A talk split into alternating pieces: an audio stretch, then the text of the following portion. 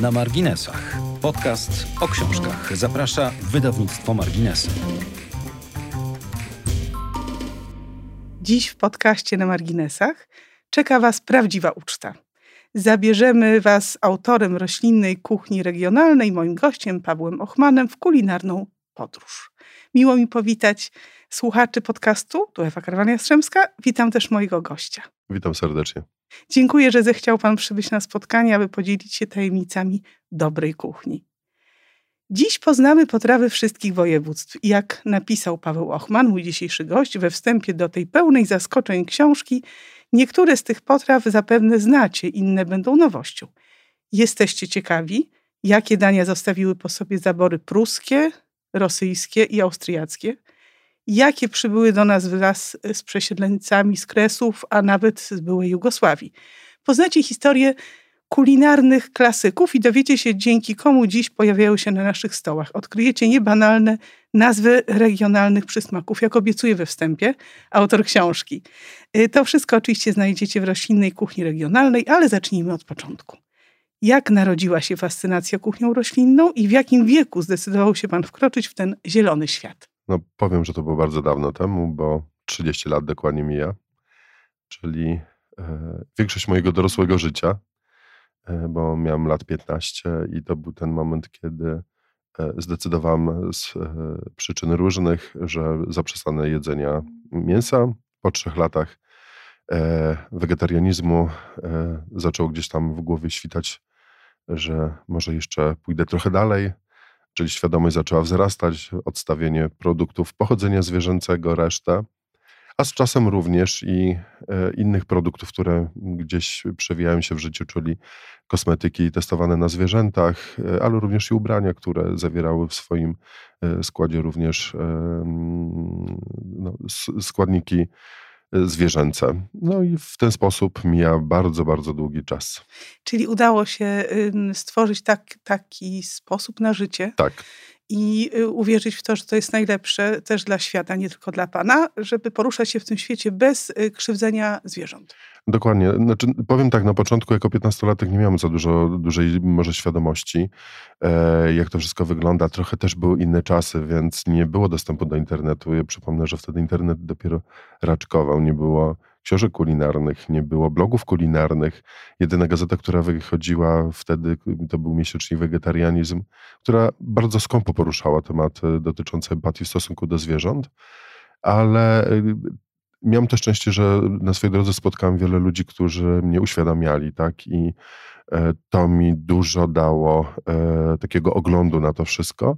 Więc tak naprawdę zaczynam od samej diety, a później dieta przerodziła się w coś większego, bardziej takiego ideologicznego trochę. I na pewno ym, słuchacze i przyszli czytelnicy Pana książki odkryją ze zdumieniem, że polska kuchnia y, w swych korzeniach y, wcale nie jest kuchnią y, mięsną, tylko jest taką właśnie historią, która prowadzi nas przez różne wspaniałe warzywa, które tak. można różnie wykorzystywać. I w związku z tym mm, pomyślałam sobie, że istotne jest, i to chyba musimy podkreślić, istotne jest to, że to nie jest taka podróż wyobraźni, mhm. że to nie jest badanie jakichś, oczywiście też na pewno, starych ksiąg czy zapisów, ale jednak ym, wyrusza Pan na podbój polskich ziem, czyli w poszukiwaniu unikatowych przepisów y, wyruszył Pan y, prawdziwą podróż. I dlaczego to było tak ważne, żeby poznać gusta naszych przodków, te kulinarne, ale przez konfrontację z różnymi regionami w Polsce. Ja tylko dodam na początku, że tak naprawdę mm, to, o czym pani wspomniała, gusta naszych przodków. E, w każdym etapie naszej historii, e, historii naszego kraju, ta kuchnia polska wyglądała inaczej. Więc nie możemy w ogóle stwierdzić czegoś takiego, jak nazwać jak kuchnia narodowa czy kuchnia polska, bo ona y, tak naprawdę znaczyła w każdym okresie czy co innego. W okresie początków państwowości e, nasi przodkowie żywili się kaszami, pierwszymi strączkami, które hodowali zbożami. To było główne tak naprawdę jedzenie. Oczywiście pojawiała się również dziczyzna, która była łatwo dostępna e, ale to było zarezerwowane bardziej dla e, sfer tak zwanych wyższych, czyli klasy książęcej, królewskiej. Natomiast klasa niższa żywiła się tak naprawdę tym, co znalazła, mogła zbierać, bo to też nie jest jednoznaczne, że, że przecież lasy też nie były ogólnodostępne, były, były mm, pod opieką zarówno właśnie książąt czy, czy królów, więc nie było takiej możliwości wchodzenia wielokrotnie do lasu, więc to, co zdobyło się drogą tak zwaną pokrętną, to się po prostu przygotowało. Ja studiując e, kuchnię chociażby wczesnego średniowiecza, e, dowiedziałem się, że mm, e, chleb przygotowywano to jest taki paradoks trochę, ale klasy biedne korzystały z mąki razowej, mąki grubo mielonej, natomiast klasy wyższe jadły mąki tej takiej oczyszczonej, co w tej chwili mamy tej niezdrowej. Odwrót, tak. Więc to, co w tej chwili mamy tak naprawdę, można powiedzieć odwrotnie, to te mąki e, nieprzetworzone, te nisko przetworzone są droższe od tych mąk takich klasycznych, które, które są dostępne na rynku. E, I z tych mąk przygotowywano różnego rodzaju pieczywo, placki. Bardzo często dodawano do nich e, żołędzie, nawet korę drzewną, więc, więc ta, ta, ta żywność była bardzo, bardzo taka uboga. Ale to był moment, kiedy e, zaczęto zwracać również na e, rośliny dzikorosnące, które były dostępne e, szeroko, te zarówno w lasach, na polach, na łąkach, e, nad wodą również. E, słynne cukierki z tataraku, to przecież to jest przepis, e, który mm, prezentuje nam Marcin z Urzędowa, czyli, czyli to jest wiek, to jest, no, można powiedzieć, koniec koniec średniowiecza, początek renesansu. Zresztą Marcin Urzędowa i Syreniusz, te sławni nasi e, botanicy, e, wprowadzili tak naprawdę na nasze stoły e, rośliny dziko rosnące i do dnia dzisiejszego zresztą na Lubelszczyźnie jest wykonywany słynny grzaniec Marcina z Urzędowa, który jest, no, ma recepturę prawie 500-letnią. I ta kuchnia rzeczywiście przodków naszych ewoluowała w kolejne e, potrawy. I praktycznie można powiedzieć, że jeden z najsmutniejszych okresów naszej historii, czyli moment, kiedy e, potęga Rzeczpospolitej znika z map Europy, czyli pojawiają się zabory rosyjski, pruski i austro-węgierski, to jest tak naprawdę początek naszej kuchni regionalnej. Każdy z zaborców dostarczał coś na ziemiach, na które, e, które mm, tak jakby zabrał e, w cudzysłowie, znaczy nawet nie w cudzysłowie, no bo jednak zabrał, ze swoich ziem tak zwanych ojczystych przekazywał na te tereny różne naleciałości kulinarne i my je możemy do dnia dzisiejszego zresztą e, mm, smakować. E, nie wiem, chociażby zabór austro-węgierski e, to jest e, w, przypadku Krakowa to jest sernik krakowski, czyli dawny sernik wiedeński, który mianował się troszeczkę na krakowski, gdzie dołożono dwie warstwy e, kruche. to są drobne ciasteczka cieszyńskie na Śląsku Cieszyńskim, czyli, e, czyli mamy tutaj wpływ, wybitny wpływ dworu arcyksiążęcego habsburskiego z Wiednia, gdzie Habsburgowie rządzili e, Śląskiem Cieszyńskim przez wiele wieków e, i E, tak naprawdę dwory, które były na terenach, czyli e, tak naprawdę Cieszyn, ale i również Pszczyna. E, dwa sławne, piękne dwory przejęły smaki arcyksiążęce. To jest, to jest początek XIX wieku. Pojawiają się na stołach nie tylko już mieszczan, ale również i tej klasy troszeczkę uboższej. Kokos, wanilia, inne składniki, o których tak naprawdę mało kto wiedział, natomiast no, zabór miał to do do siebie, że, e, że, że dał nam to możliwość próbowania innych smaków niż tych, które po prostu były. I ten moment, kiedy ta kuchnia regionalna się pojawia, tak jak mówię właśnie, czyli te, ten, początek za, zaborcu, za, zaborów, które na nasze ziemię weszły, zaczyna się właśnie kształtowanie kuchni regionalnej, która trwa do dnia dzisiejszego i te drobne ciasteczka cieszyńskie są tego wybitnym przykładem. Naprawdę wybitnym. Aż, aż, aż zabrakło mi e, tutaj powietrza czy oddechu na samo wspomnienie tych ciasteczek, bo zdradzę, że próbowałam i jeszcze tak publicznie wyrażę wdzięczność za tak Proszę wspaniały bardzo. poczęstunek. Natomiast y, nie sposób się oprzeć wrażeniu, gdy się pana słucha, że jest pan właściwie taką kolejną, trudno powiedzieć, że wersją, bo to byłoby niegrzeczne, ale kolejnym wcieleniem, może wcieleniem po prostu, y, pewnego y, słynnego badacza, bo w moim odczuciu jest pan Kolbergiem dawnych przepisów. Y, praca etnografa i folklorysty Oskara Koldberga jest dla kultury skarbnicą wiedzy o minionych epokach.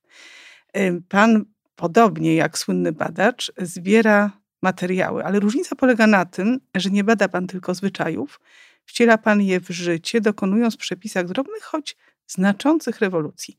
Na czym polega rewolucja w kuchni tradycyjnej i na czym polegają te zmiany? Przepisy, te, które są umieszczone w książce, e, to są przepisy zmienione w zasadzie niewiele. W przypadku niektórych e, przepisów nie było w ogóle zmieniane. Jest ich kilka, czyli z natury są stuprocentowe roślinne.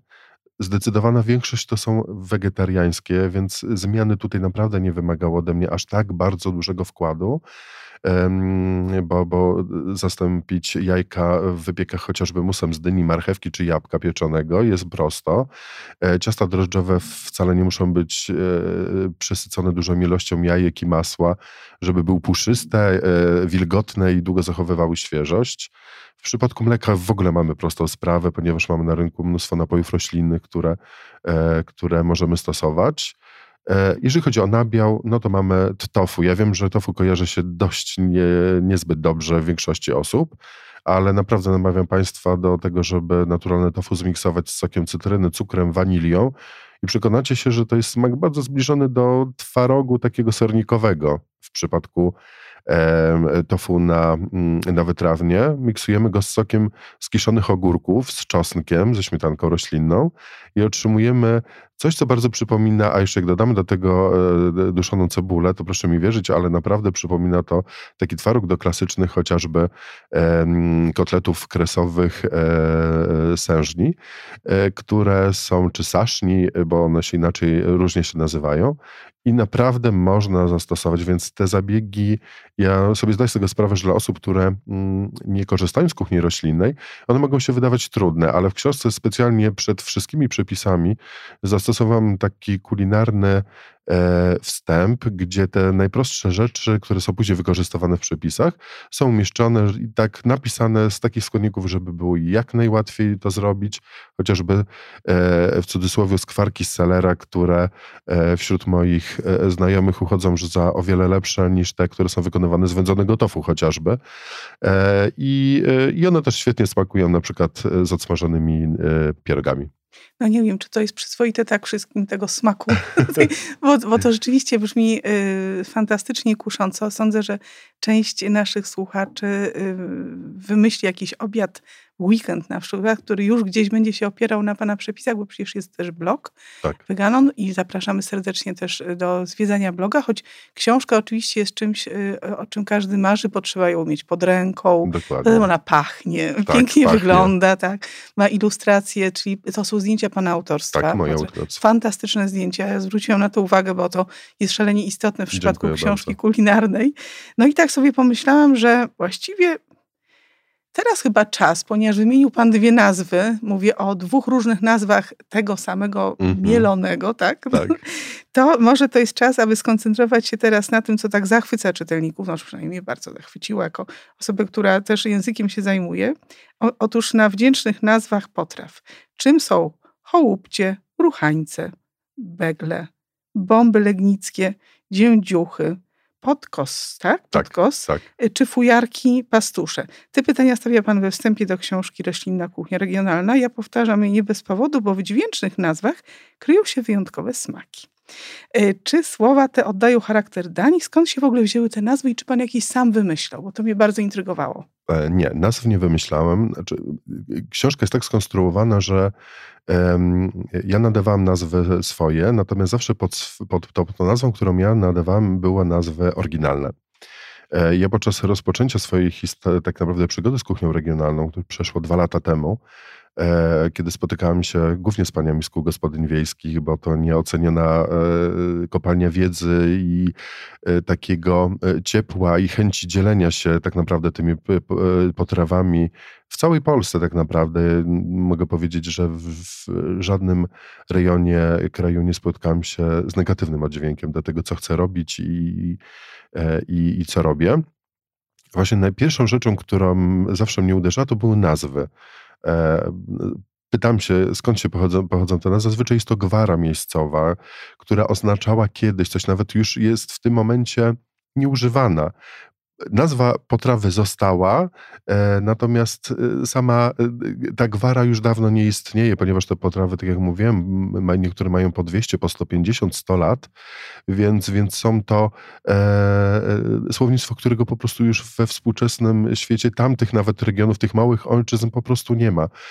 Niektóre funkcjonują, chociażby mm, nazewnictwo e, zupy z, żółtych, z żółtej brukwi na Kaszubach, czyli zupa z żółtych wreków, e, bo, tak, bo tak nazywa się, wrekami nazywa się brukiew na, po kaszubsku, więc e, tam istnieją, gdzie istnieje e, słownictwo regionalne, one rzeczywiście jeszcze są, natomiast gdzie jest ta gwara taka dawna zapomniana, już ich nie ma, ale pamiętam, że te nazwy wzbudzały we mnie takie zdziwienie, niejednokrotnie śmiech, bo, bo, bo naprawdę są wyjątkowe, E, i też dociekanie właśnie, co mogło oznaczać. No niestety czasami zdarzało się, że nawet osoby, które, te pani, które mi dawały, mówią, że one po prostu nie wiedzą, że mają w, w zapiskach e, swoich mam czy babć, natomiast nie ma wyjaśnienia, dlaczego się tak nazywają, a nie inaczej. No to jest to fantastyczne pole do stworzenia historii. Tak, jak najbardziej. No trochę wymyślonych w tym tak, wypadku, tak. ale jest to szalenie takie pobudzające wyobraźnię. No, mnie te nazwy zachwyciły, dlatego o nich wspomniałam i y, pomyślałam sobie właśnie o tym, że, y, że, że warto pamiętać, że w pewnym sensie jedzenie ocala język. Zdecydowanie. Bo to jest, bo to jest dokładnie ta wartość dodana. Y, natomiast... Dla mnie też istotne, jako dla mieszkanki Warszawy, jest to, jak bardzo te regiony, które są tak charakterystyczne w, w potrawach historycznych, które, które Pan przywołał i które znalazły się w roślinnej kuchni regionalnej, zresztą to bardzo wiele z nich wypróbuję. Nawet wszyscy domownicy są podekscytowani możliwością mhm. gotowania według Pana przepisów. Otóż y, są takie dania charakterystyczne, których nie sposób po, y, pomylić z innymi. No i w takim razie, gdyby Pan miał poradzić wtedy, kiedy już y, minie pandemia, na co wszyscy liczymy i w co wierzymy, bo musi to prędzej czy później tak. nastąpić, tak. no to być może wyruszymy w różne podróże kulinarne z Panem jako naszym przewodnikiem w książce, ale też może Pan polecić y, wyprawy w miejsca, gdzie są najlepsze, albo może nie tyle najlepsze, co najciekawsze, najbardziej zaskakujące dania w Polsce. Czyli nie chciałabym, żeby pan oczywiście wyróżnił jakiś region, bo wszystkie panie były nie miłe. W stanie. No więc właśnie, ale ten pana ulubiony na przykład. Ciężko jest mi wybrać, dlatego że e, naprawdę w każdym regionie, w którym byłem, mnie zachwycał. E, Mniej bardziej, ja nawet nie jestem w stanie tak powiedzieć, że mniej bardziej, dlatego że e, jeżeli e, wyruszałem na Śląsko-Polski, gdzie e, kuchnia śląska kojarzona jest w, w całości, czyli Śląsko-Polski, Śląsk Górny i Śląsk Dolny, dla osób, które nie są z tamtych regionów, kojarzy się po prostu jako jedność, a tak naprawdę są to trzy różne regiony, które oczywiście mają potrawy wspólne bardzo często, albo są identyczne w smaku i wykonaniu, ale mają inne nazwy.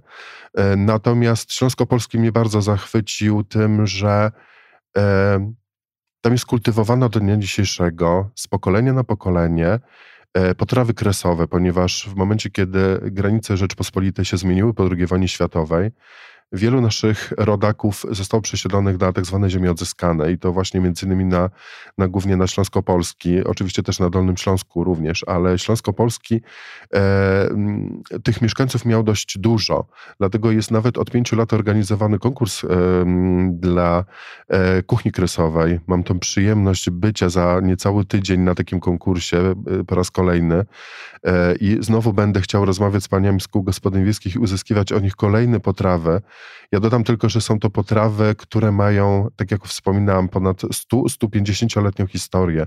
To są potrawy dawnego województwa tarnopolskiego, stanisławowskiego, ale również e, mieszkańcy e, miasta naszego dawnego Lwowa, mm, czy, czy województwa dawnego e, nowogrodzkiego, czyli mamy też i teren Białorusi. To są potrawy proste, to są potrawy w większości wegetariańskie, a w, naprawdę w dużym procencie wegańskie. I to jest kultywowane, to są potrawy zazwyczaj świąteczne na Boże Narodzenie. One chyba tak najbardziej przetrwały, bo e, ci, mm, ci ludzie, e, dzieląc się ze swoimi potomkami tymi potrawami, e, chyba chcieli tak po prostu wspominać te lepsze czasy, czyli Boże Narodzenie, kiedy zasiadali do stołów i próbowali te wszystkie potrawy. E, I Śląsko-Polskie mnie pod tym względem najbardziej zaskoczył, że ja spodziewałem się, oczywiście jest tam mnóstwo potraw kuchni śląskiej, nie, nie neguję tego.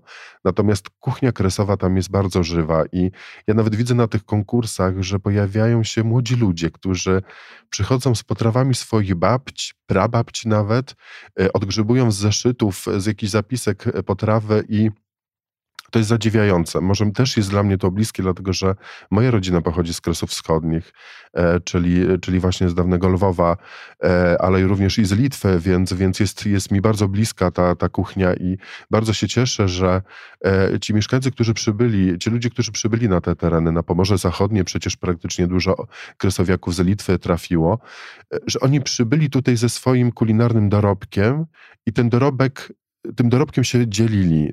Szereg w ogóle tych potraw trafiła na e, krajową listę produktów tradycyjnych, co mnie bardzo cieszy, że też jest e, gdzieś jest tak naprawdę zapisane ku potomności, że takie potrawy były, dzielono się z nimi, dzielono się nimi e, i one funkcjonują dalej w kolejnych pokoleniach, nie zostały zatracone.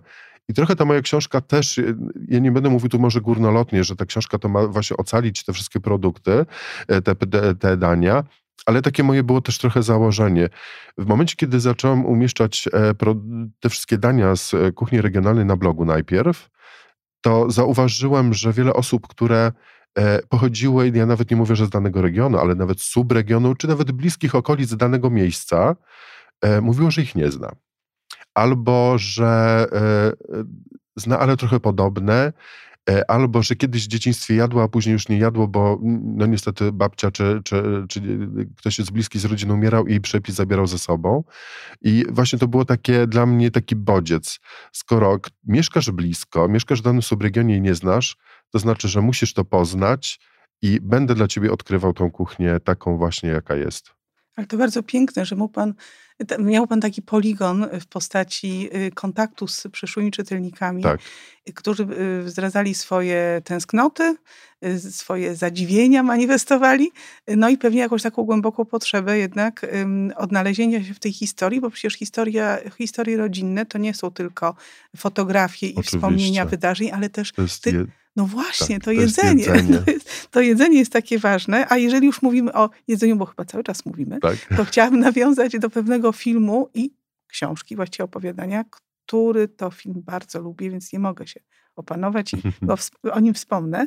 Y, jednym z moich najbardziej takich lubianych filmów, do których wracam, jest Uczta Babette. No i oczywiście ona powstała na motywach opowiadania Karen Blixen, ale jest to jakby pretekst, wspomnienie o tym filmie, do tego, aby spróbować mm, podjąć wątek otóż taki, czy urządzanie przyjęć dla bliskich przyjaciół poza oczywistą zaletą takiego przedsięwzięcia może być aktem czystej artystycznej kreacji i w związku z tym, jakie uczucia wyzwala w ludziach jedzenie i czy może ich zmienić. Tak, tak, tak radykalne pytanie zadam. E, to jest radykalne, ale jest bardzo dobre pytanie tak jak wspominałem, 30 lat temu, kiedy przestałem jeść e, mięso, później e, po trzech latach przyszło e, już taki głębszy wegetarianizm, no dobre sprawy, no, weganizm. Było bardzo ciekawość, ja powiem tylko tyle, że to, było, to były lata 90. I ten mój styl życia, tak naprawdę, bo to był styl życia, wzbudzał więcej ciekawości niż takiej niechęci, e, obecnie nazywanego hejtu w ogóle nie było, czyli była, większa była ciekawość, co jesz, jak jesz, i w pewnym momencie ja stwierdziłem, że nie będę opowiadał wszystkim, jakie są moje motywy e, e, przejścia na weganizm, no bo już to był, później był weganizm, bo wiedziałam, że świadomość jest bardzo niska, e, praktycznie zerowa. I jak ja będę zacznę opowiadać o, o hodowlach przemysłowych, które wtedy tak naprawdę zaczynały powstawać, to, to, to, to nie jest to, co jest w tej chwili, ale, ale one już powstawały. E, w jaki sposób, e, szczególnie dla tych, którzy mieszkają w mieście, którzy nie mieli pojęcia, jak wygląda to wszystko, proszę Państwa, teraz mamy dostęp do internetu, do wszystkiego. My możemy w każdej chwili sprawdzić, jak, jak wygląda hodowla. Ja stwierdziłem, że ja nie będę opowiadał o różnych rzeczach, tylko będę taki za co sobie przyjąłem, że będę przekonywał jedzeniem.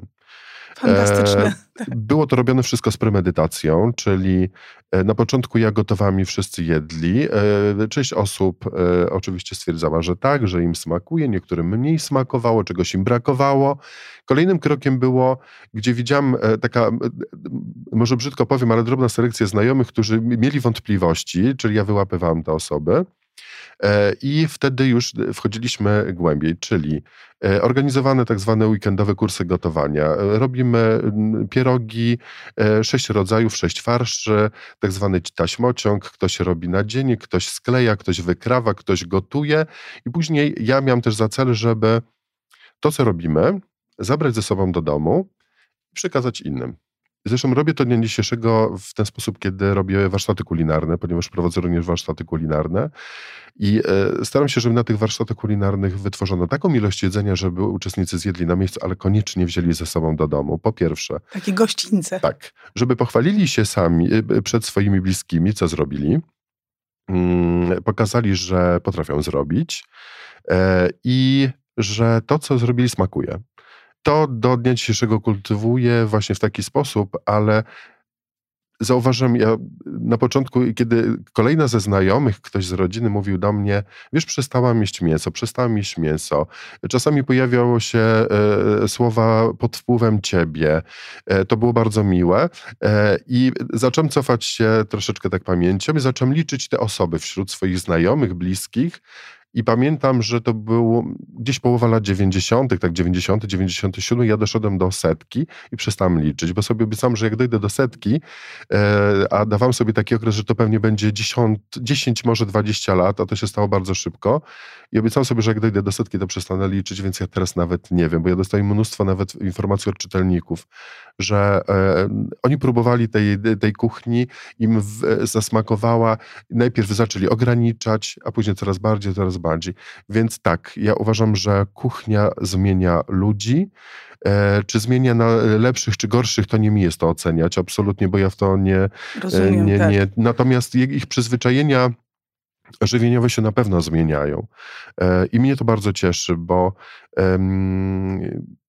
I to jest też i odpowiedzialność trochę, dlatego że jeżeli e, ja robię coś i pod wpływem tych moich działań e, się zmienia ktoś, to jest trochę odpowiedzialność. I um, trochę jest to straszne, ale jednocześnie bardziej chyba tak naprawdę budujące i pokazujące mi to, że jeżeli pięć lat temu założyłem bloga, to pięć lat temu podjąłem bardzo dobrą decyzję i na pewno jej nie zmienię, dopóki mam e, czas i zdrowie przede wszystkim, to ten blog będzie trwał na pewno po to, żeby jeżeli chociaż jeszcze jedna osoba zmieni swoje przyzwyczajenia ży e, żywieniowe e, i uzna, że jest to bardzo dobra jej droga, to ma to sens. No i brzmi to wspaniale, więc jest pan i Oskarem, i Babet w jednej osobie. Także gratuluję. Dziękuję. Czyli uszczęśliwia pan ucztami y, i jeszcze pan podstępnie wciąga tak. ten spisek wegański i myślę, że to jest bardzo, bardzo ważne i bardzo piękne, oczywiście już tak mówiąc serio, bo po pierwsze dobry wpływ na ludzi, dobry, bo dający radość, tak? Mówię o efekcie, czyli o tym, Y, narzędziu, którym Pan się posługuje. To jest, jedzenie jest jednak wspaniałym, no mówi się, że przez żołądek do serca, takie różne tak, przysłowia, tak, tak. tak, I gdzieś, gdzieś Pan do tych serc trafia, czytelników i smakoszy. Y, trafia Pan właściwie natychmiast i to też jest ciekawe, bo y, książka, która w zasadzie no, jest jakby z różnych powodów ważna, przecież ukazała się no, teraz, w tym tygodniu, tak? Więc to tak, jest bardzo, tak, tak. bardzo świeża premiera jest, ma bardzo piękną formę graficzną, ale też y, sposób pisania, znaczy to, jak pan posługuje się językiem, jak pan pięknie, i właśnie o tym teraz słowo, czyli będę cytować. Otóż, są takie przepisy regionalne, które znane są wąskiemu gronu. Są też takie, które zniknęły na lata i powracają. Ten przepis łączy w sobie dwie sprawy. Bomby legnickie powstały w 1853 roku. Recepturę opracowali bracia Miller, Przepis ten zastrzeżony przez piekarnię Fidlerów, a po II wojnie światowej receptura została wywieziona do Niemiec, był zastrzeżony oczywiście, taki wstęp do przepisu na piernikowe babeczki z marcepanem pobudza apetyt. Te wstępy y, za każdym razem się pojawiają, towarzyszą potrawom, czyli wchodzimy w pewien świat historyczny. Tak, obowiązkowo I to jest, to jest świetny zabieg, ponieważ tak naprawdę też w pewnym sensie kształcił Pan y, swoich czytelników, którzy nie czytają przepisów o daniach wyrwanych z kontekstu, mhm. tylko o daniach, są to przepisy dań, głęboko osadzonych w historii. Tak. To jest związane z anegdotą, z opowieścią, z historią. To, to jest bardzo takie pobudzające nie tylko tak, apetyt, tak, ale tak. wyobraźnię. I szalenie mi się to podoba, więc zależało mi na tym, aby czytelnicy i słuchacze wiedzieli, że właśnie te wstępy są. Y, wspaniałe są też wszystkie nazwy. No, na przykład dla mnie piernikowe bomby apostołów fantastyczne są. W ogóle ten taki element też świąteczny, y, uroczysty i rodzinny jest szalenie istotny w przypadku y, w ogóle książek kulinarnych, tak. ale szczególnie wtedy, kiedy nawiązuje się do tradycji.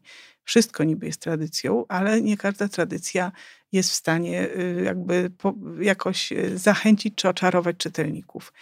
Chciałabym razem z Panem teraz tak bardzo serio nie nawracać, bo to nie jest właściwe słowo, Oczywiście, ale zachęcić wszystkich do tego, aby odważyli się poeksperymentować w kuchni. Bo przecież ten eksperyment to jest coś, to jest rodzaj kreacji, a przecież każdy z nas jest artystą. No, oczywiście na tak, różnych tak. polach jesteśmy. Czy nie jest pokusą zostać artystą w kuchni? E, artystą w kuchni, a tak naprawdę ucząc się czegoś nowego, a w tej przypadku w tej książki nowego, starego bardzo często, e, wykonując jakąś potrawę, możemy zadziwić swoich e, współbiesiadników, domowników. E, możemy im pokazać, że umiemy gotować, bo tak jak mówię, te potrawy są naprawdę proste, tanie, z prostych składników. Natomiast myślę, że smak będzie fajny i nawet ktoś, kto ma w cudzysłowie dwie lewe ręce, bez problemu ugotuje i zrobi wiele potraw stawiając je na stole, powie, może powiedzieć, to jest potrawa z Podkarpacia. Zrobiłam ją, zrobiłem. E, w pamięci mając to, że była kiedyś wykonywana przed wielu, wielu lat przez Bojków, Łemków, czyli nacje, które już nie istnieją na naszych terenach. Czyli mamy w pamięci, poprzez kuchnię mamy w pamięci kogoś, kto kiedyś tworzył historię chociażby tego kraju. To bardzo, bardzo piękne zaproszenie. Ja polecam jeszcze tym, którzy chcą zdobyć czyjeś serce potrawami tak. z roślinnej kuchni regionalnej, bo myślę, że to bez trudu się uda, jeśli, jeśli ktoś się bardzo postara i pozostaje nam wszystkim życzyć smacznego. Dokładnie, życzymy smacznego. I prosimy o, o oczywiście o dawanie nam sygnałów i na blogu, ale też y, w marginesach, y, na Facebooku i wszędzie, gdzie tylko się da, jak te potrawy się udały. Dziękuję jeszcze raz za miłe Dziękuję spotkanie. Dziękuję również serdecznie. Dziękuję bardzo. To był podcast na marginesach. Dziękujemy za wysłuchanie. Znajdziecie nas na Spotify, Google Podcasts, Apple Podcasts i na stronie www.marginesy.pl.